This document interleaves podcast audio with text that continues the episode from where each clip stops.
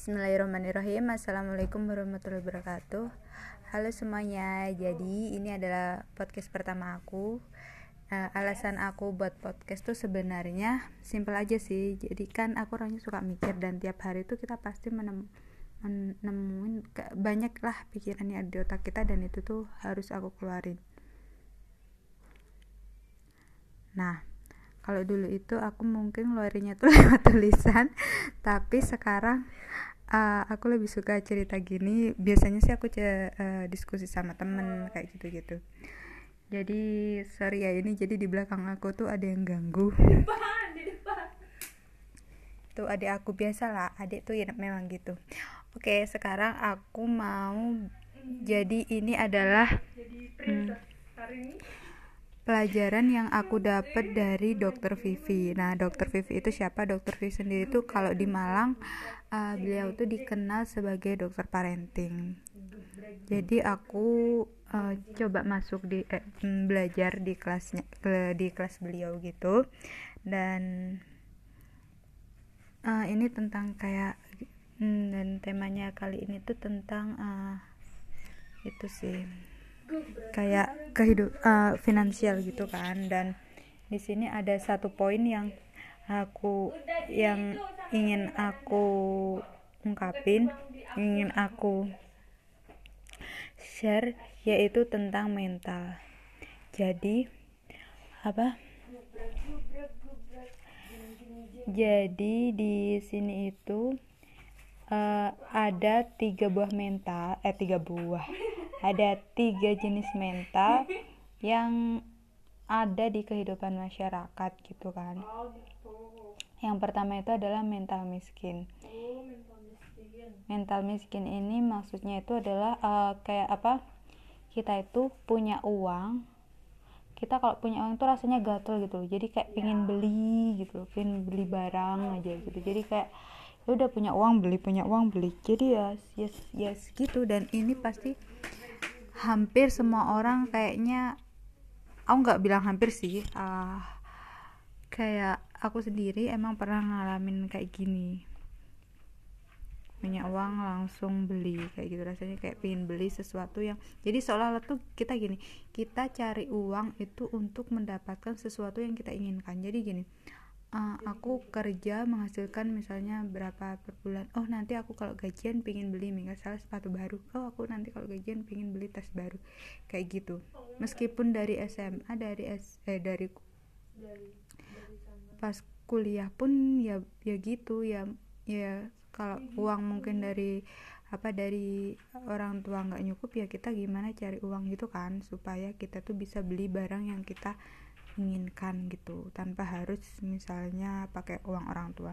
Jadi setelah aku pikir-pikir itu tuh kayak sama aja gitu loh percuma deh aku tuh kayak kerja keras nyari uang tapi ujung-ujungnya cuma buat muasin keinginanku. Dan aku rasa setelah aku beli itu tuh hanya sebatas itu gitu loh.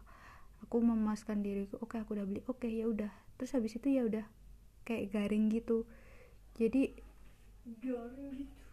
emang nggak ngebuat aku terus senang gitu enggak jadi ya sebatas itu. Jadi menurut aku tuh kayak uang tuh memberi kita kebahagiaan tapi cuma ke, di batas tertentu gitu.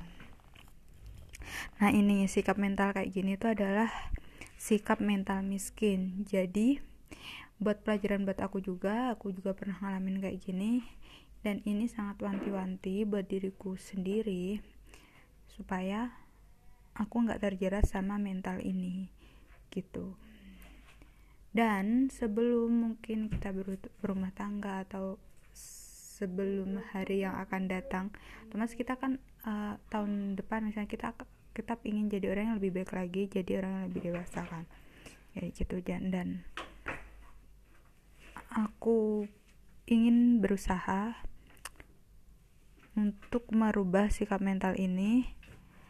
Dan ini tuh harus kita rubah sedini mungkin ya nggak apa-apa sih kita minta beli sesuatu tapi nggak harus itu gitu loh maksudnya. Nggak harus setiap kita gajian kita harus setiap kita dapat uang kita harus beli sesuatu gitu ini sebenarnya bisa dikontrol ketika keadaan kita tuh stabil. Stabil gimana sih maksudnya?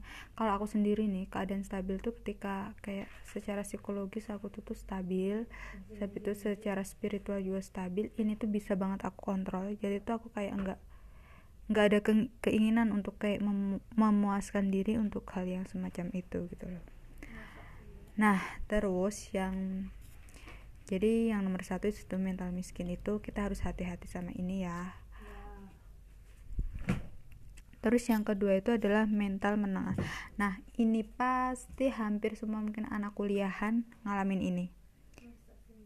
Ya, kalau tapi kalau dia yang udah aware dengan dirinya sejak awal sih mungkin hmm, bisa ngontrol ini dari sejak awal sih. Kalau aku ya jujur sih pernah ngalamin hal kayak gini gitu loh. Mental menengah itu e, tentang gaya hidup. Jadi gaya hidup mental menengah kayak gini tuh kita tuh kalau makan atau beli baju yang kayak gitu tuh harus yang bermerek harus yang kayak terkenal gitu loh terus harus tempat makan pun harus yang oh kira-kira uh, oke okay deh bisa deh buat gaya gitu kan. Oke okay deh nggak malu-maluin gitulah nah kayak gitu Nah, kalau aku sendiri ini tergantung tipe kepribadian. Kalau aku sendiri sih kalau milih sepatu nih, itu tuh aku lebih suka yang misalnya antara kan ada kan orang tuh yang beli sepatu itu yang murah tapi yang penting ganti-ganti gitu kan. Terus ada juga orang yang beli sepatu mahal tapi emang lama kayak gitu. Nah, kayak gitu. Nah, kalau aku sendiri jujur aku lebih yang berkualitas tadi meskipun mahal. Soalnya kalau aku bukan tipe orang yang mudah gonta eh, yang suka gonta ganti rusak rusak itu tuh jadi malah bikin aku stres sendiri kalau sepatuku rusak. Kayak gitu loh cepat rusak jadi aku milih yang yang yang intinya yang aku nyaman berkualitas gitu loh. Meskipun mungkin harganya emang berpengaruh yang kayak gitu. Kayak gitu sih. Tapi sebenarnya kalau aku pribadi bukan uh, apa bukan buat gaya sih. Kalau aku pribadi tapi mungkin banyak lah yang di uh, kayak gini tuh banyak terjadi di kehidupan sosial kita gitu loh kayak gitu kan. Apalagi pas kita kuliah gitu kan yang namanya ngafe atau makan gitu. Ya kehidupan yang hedon gitu mungkin bisa kita lihat sendiri ya. Dan itu tuh kita tuh emang kalau aku sendiri sih ya tentu aja lah aku pernah apa namanya bareng teman-teman ya kayak gitu kan ya biasa. Tapi uh, akhirnya semakin ke sini sini kita kita nyadar kita tuh makan kayak gini buat apa ya? Ngambur-ngamburin uang makan segini. Cuma segitu gitu loh maksudnya terus mungkin buat kesehatan juga nggak bagus kayak gitu. Intinya kayak gitulah. Nah ini dan mental menengah ini tuh merusaknya apa sih?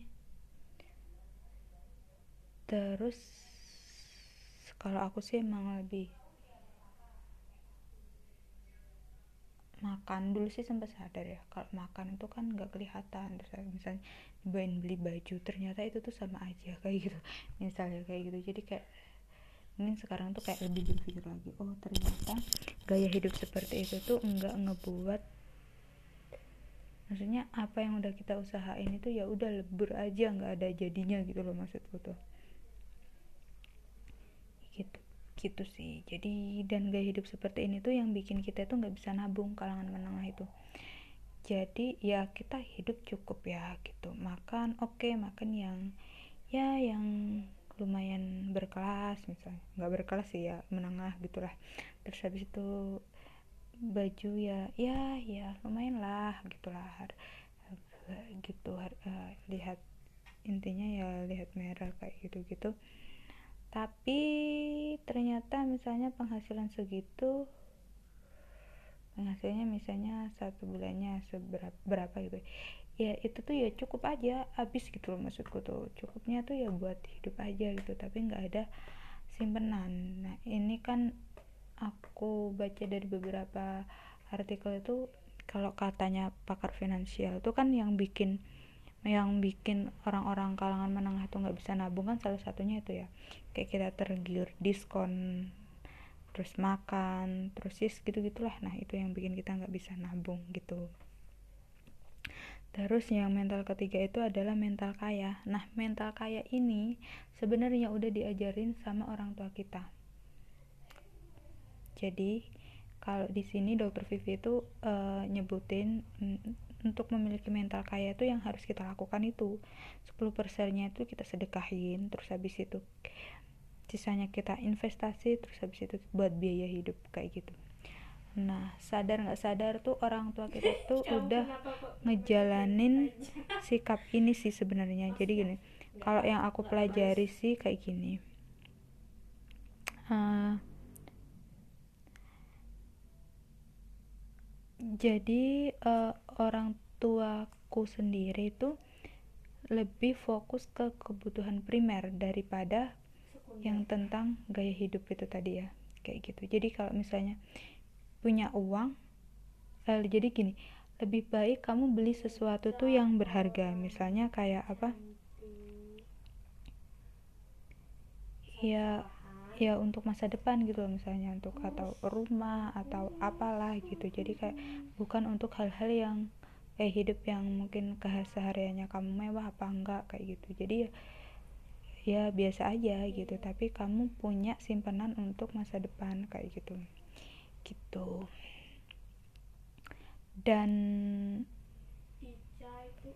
orang tua aku juga tipe orang yang kayak gini sih. Maksudnya ketika aku nih minta sesuatu barang barang elektronik yang mahal gitu minta A gitu mereka pasti nggak nggak nyetujuin gitu.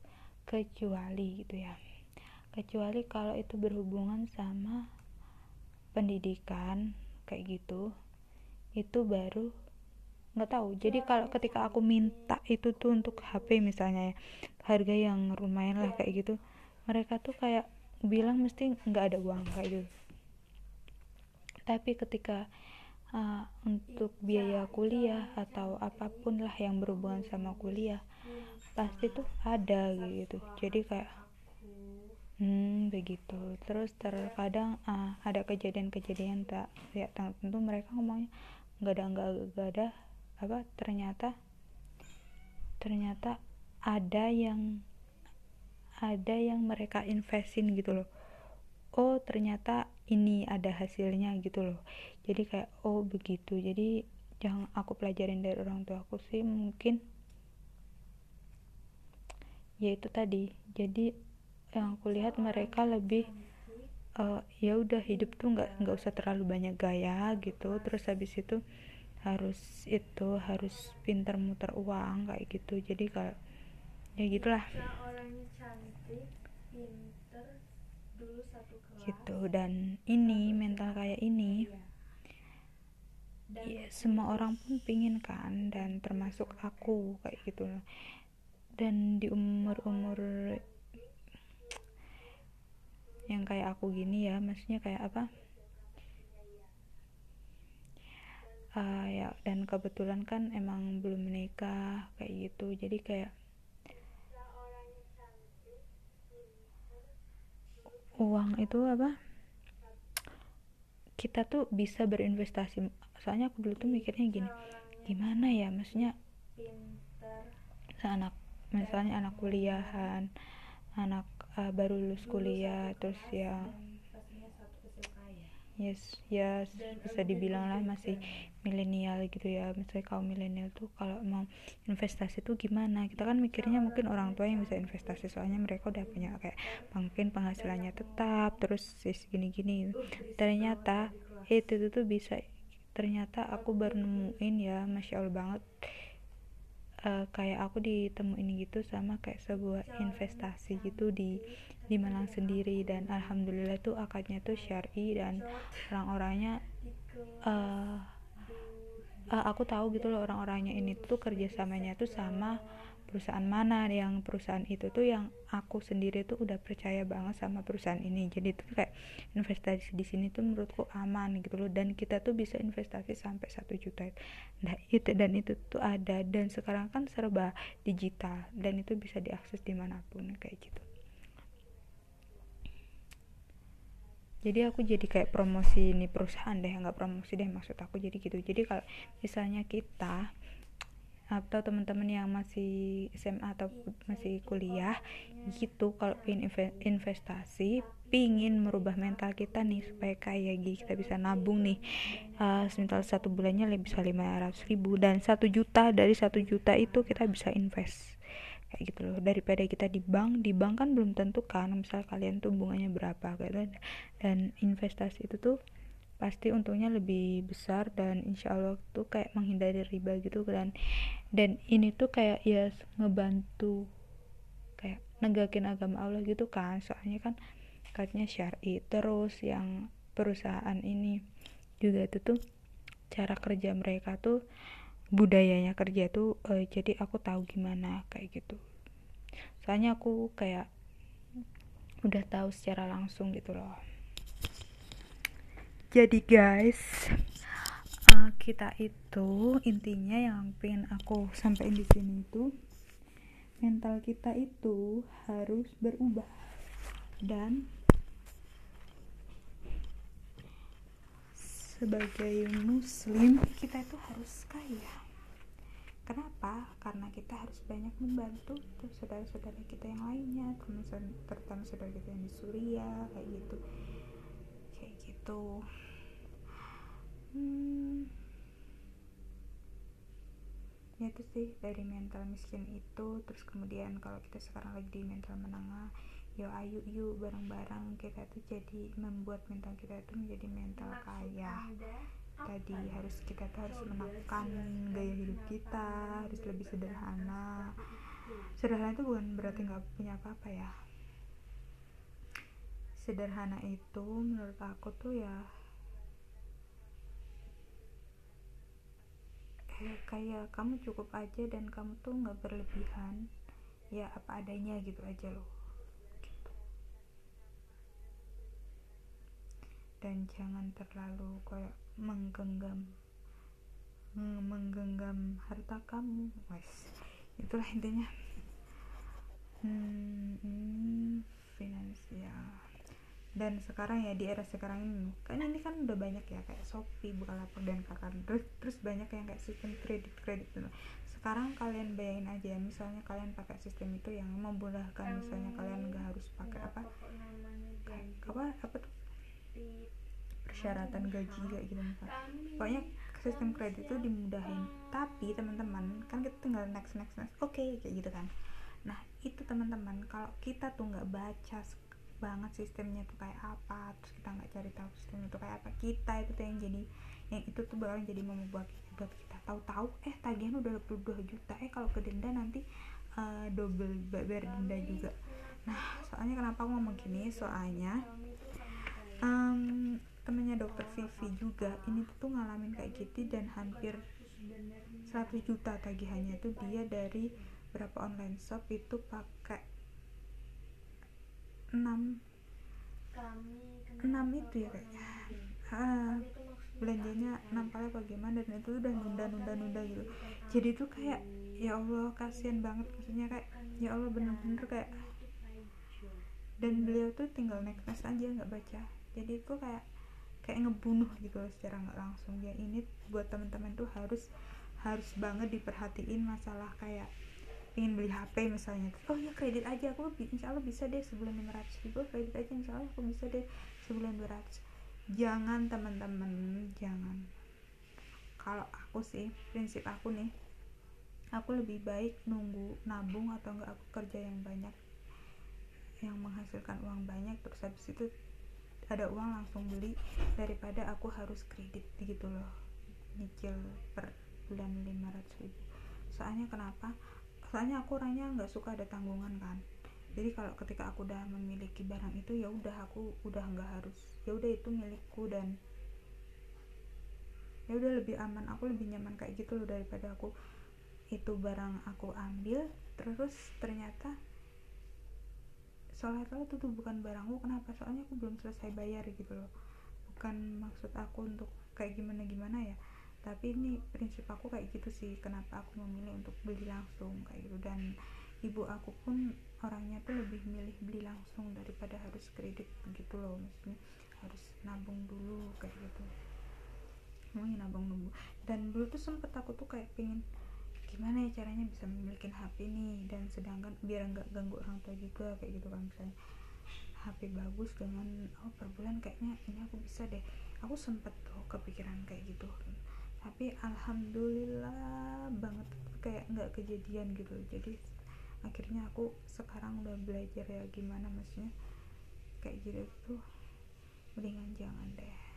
Tapi mungkin ada orang yang mungkin berprinsip beda kayak apa ya nanti biar semangat kalau kredit kayak gitu. Kayak gitu. Tapi coba dipikir-pikir lagi deh. Maksudnya itu tuh lebih merugikan apa menguntungkan? Kayak gitu sih. Gitu. jadi lebih ke diri kita aja kayak gitu. Yang kayak masalah apalagi masalah denda denda kayak gitu. Kalau menurutku kalau emang banyak ruginya mendingan jangan deh daripada mempersulit diri kita sendiri gitu